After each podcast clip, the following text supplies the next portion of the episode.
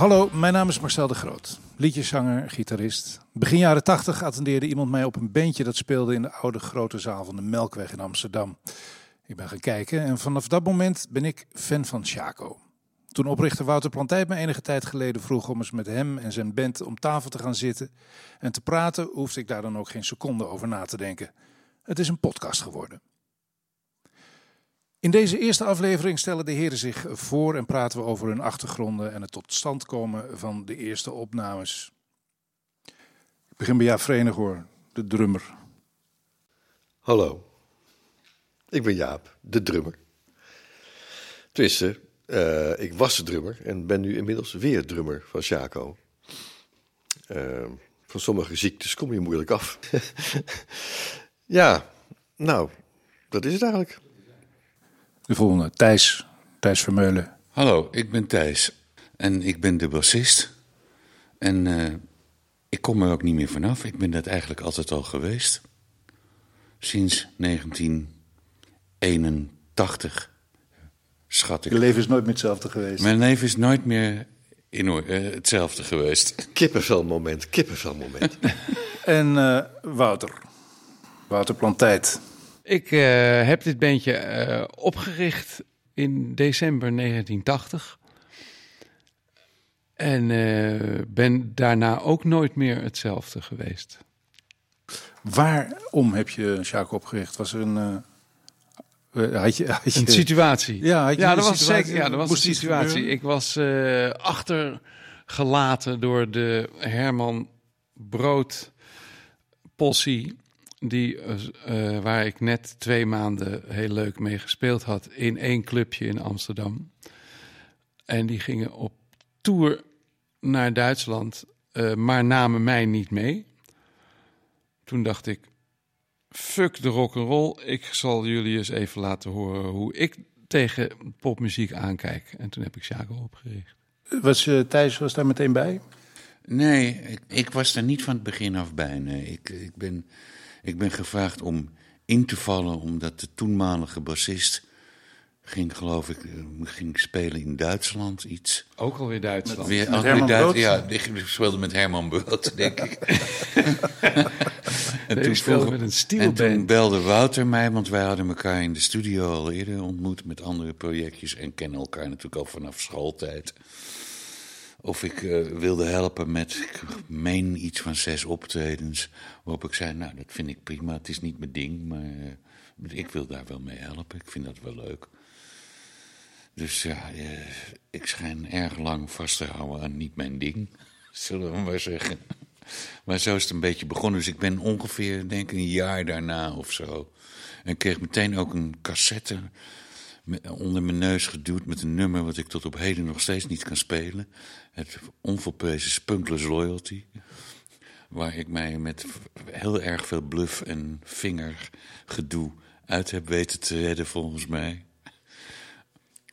Maar Wat- volgens, mij vond jij, volgens mij vond jij het prima. Zeker, dat is Ik kon dat soort loopjes niet spelen. gebluf en vingergedoe. Dat is de Ja, handtekening van de band geworden. Ja. Daar lijkt het op. Kunnen we daar naar luisteren? Even tussendoor.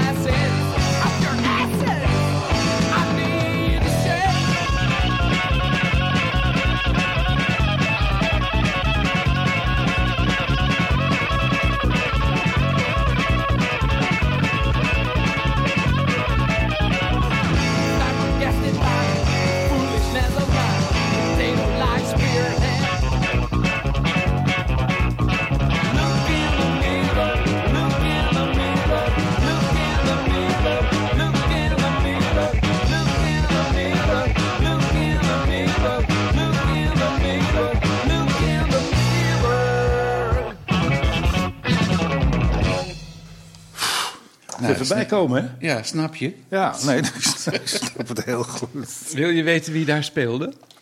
Oh, leuk. Ja.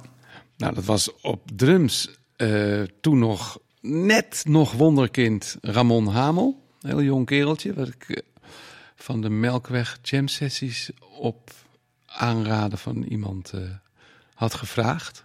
Die, was, die terroriseerde daar de boel nogal. Zo- Zodra hij zat te drummen, kwamen de andere drummers niet meer aan bod. En ik denk, nou, dat, Die moeten we hebben. ja. Half Amsterdam kende hem van Koninginnedag. Zat hij met een drumstel bij het lievertje op het spui Ah, te spelen. ja, ja. Dus eh, hij was echt wel een soort vreemd eh celebritytje. En heel virtuoos, toch? Ja, verschrikkelijk. Michael Bolden was toen zijn eh, spook, zeg maar.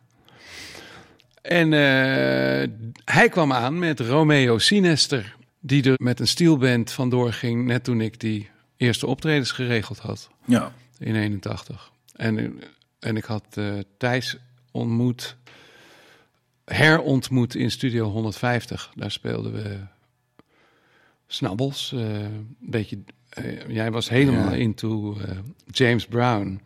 Dat leek me de aangewezen figuur om dit toch wel redelijk veel eisende, technisch gezien, repertoire eh, even snel erin te krijgen. ja.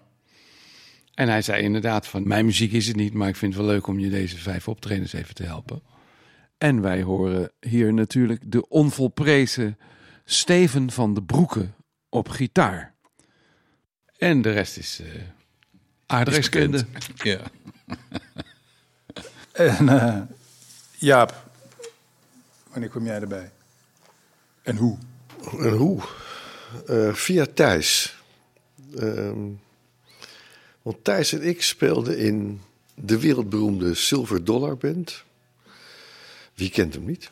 SD Jive. De ST Jive Band. En daar had ik net, eh, hadden we een toertje Duitsland of Zwitserland. Ik weet niet precies. Darmstad. Eh, nou, we hadden ook in, in Basel, toch? In de Atlantis. Of weet Oh ik ja, ja. Enfin, ehm, Wouter en Thijs die zochten een drummer. En Thijs die dacht, die Jaap, dat is leuk. Kun je me lachen. En eh, zodoende. Ja, je doet jezelf tekort. Volgens mij had ik wel zoiets van, je- Jaap kan dit. Jaap is de man die dit moet doen. Best wel altijd onder de indruk van Jaap. Qua drummer. Ja, maar in, in, ondertussen was Chaco wel al een, een tijdje onderweg. Want we praten nu over Ja, 86. want we- ja. 86, ja. Ja, want we hebben daarvoor natuurlijk nog Ron Jansen gehad. Daar hebben we de plaat ook. En de cassette. Dat is met Ron, hè, allebei. Eh, dat- Zeer respectvol door een vriend van ons, de badmeester, genoemd. gedoopt. Ja. Omdat hij altijd een ha- handdoekje om zijn nekhand eh, zet. Hij zat in een studio in Amsterdam, zat hij hele dagen te drummen. Bleek later wel dat hij een coverbandje had dat Darjeeling heette. Oké. En die, eh, die ging ik toen, eh, ging toen vertellen van nou, kijk, dit nummer dat begint gewoon eh, met zo, met een coupletje zo. En dan, en dan gaan we via echt een flinke drumfill, moeten we dan die, die brug in. Want dan moet het echt even energie. En toen zei Ron van, ja, maar welke fill dan? Er zijn zoveel fills. Moeilijk. Nou, hij was echt in een paar maanden was dat bekeken. Kon je met hem zo heerlijk improviseren. Dat bleek helemaal. Hij had door dat je dus in liedjes niet vast hoeft te zitten Ja. als drummer.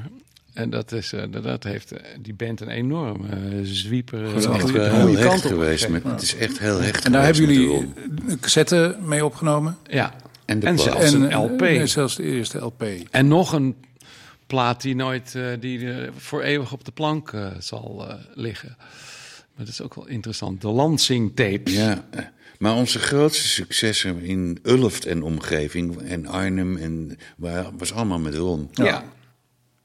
Best wel lang. Waarom is Ron eigenlijk weggegaan? Ja, dat kan ik me niet helemaal herinneren. Het was gewoon eh, Geen te zin vaak meer, of eh, uit zo goed als geen geld. en eh, te vaak duo snot en kwijl in het voorprogramma, zoals hij dat noemde. Die had er geen zin meer in. Ron was ook heel lief. Ron was autopoetser. En die trok zijn poetsbroek aan om niet te veel af te steken bij Thijs en mij als we optraden. maar, maar het interesseerde ons echt helemaal geen fuck. Ja. Of wel, maar dan precies de andere kant. op. Precies, ja. ja. Ron was echt een schat. Zeker.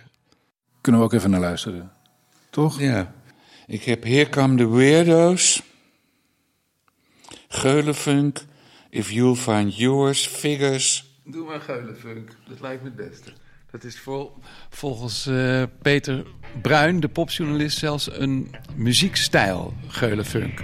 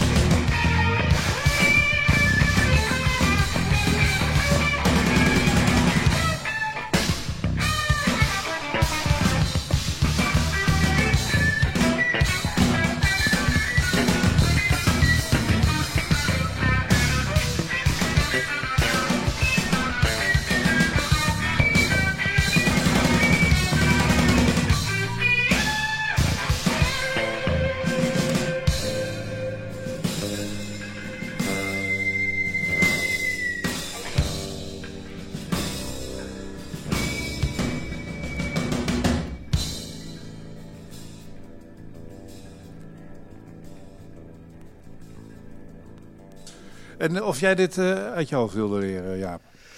Ik, eh, Dit nummer is mij volkomen vreemd, maar het komt me op een bepaalde manier best bekend voor. Want we zijn eigenlijk weer een beetje terug hier.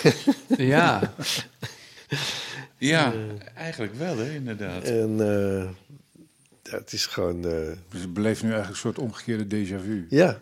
Maar we kunnen dit nu heel goed. Ik, eh, ik zat meteen te denken, moeten we dit niet meteen gaan spelen? Maar misschien doen we dat stiekem al. Ja, dit was gewoon een jam. Ja. Weet je wat het was met deze plaat?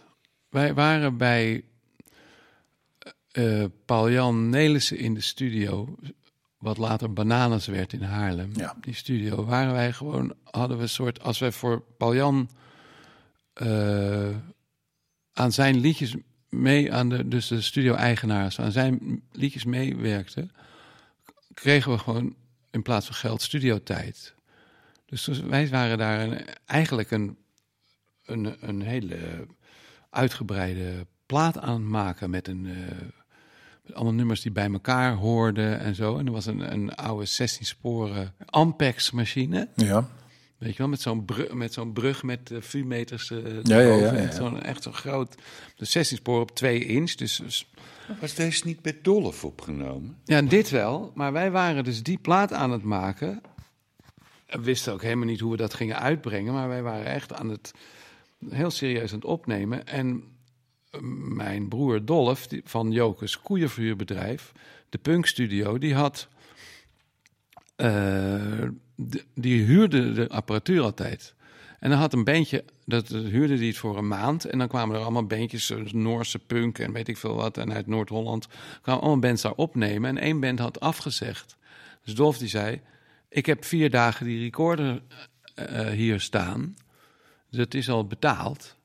Kom maar opnemen. Dus toen zijn wij alleen de nummers die we nog niet in Haarlem aan het maken waren, hebben we toen even snel bij. Dolf opgenomen. En dat is de plaat geworden. En die, de andere, de rest ligt nog steeds eh, op de plank. En die tapes zijn ook weg. Kan ik niet meer eh, mixen. Ik heb alleen cassettes. Want er waren, waren nog geen eh, digitale masters natuurlijk. Dus En dat zijn die landing tapes. dat zijn de je, landing tapes die net eh, over had. Ja, natuurlijk legendarisch worden, maar dan moet eerst iemand dood. We zijn hard bezig. Er wordt aan gewerkt. Nou, ik vind het best rustig gaan. Het gaat uiteindelijk vanzelf. Dus, Dus. nou, dat, dat, dat moest ik even kwijt. Dus het is een per ongeluk gemaakte plaat en, daar, en dus ook met jams en dingen. Het is een leuke plaat. Er staan echt wel een paar mooie dingen op. Het stond ook heel groot op de hoes. Betaal niet meer dan 12,50. Dus het was helemaal in die, in die punk. En deze plaat is dus, dus eh, te vinden sfeer. nog op, eh, op YouTube. Ja. Hij staat niet op Spotify. Nee, en, je- en je kan eh, bij Discogs, eh als hij ook nog aan te schaffen? met het affiche erin, dan eh, kan, je, kan het zomaar iets van 36 euro Kijk. kosten. Maar dan heb je ook wat. mooi, Ja. We gaan, we gaan in de volgende aflevering gaan we het even dieper in op, Oh. op jullie achtergronden. Oh, sorry. Is dat goed? Ja. Ja, nee, als je het Maar eh, dan zat ik in de verkeerde aflevering. Nee, helemaal niet. Oh, zeker niet. Zeker niet. Goed, tot slot van deze aflevering luisteren we naar een opname uit mei 1983. Joke Ain't No Joke.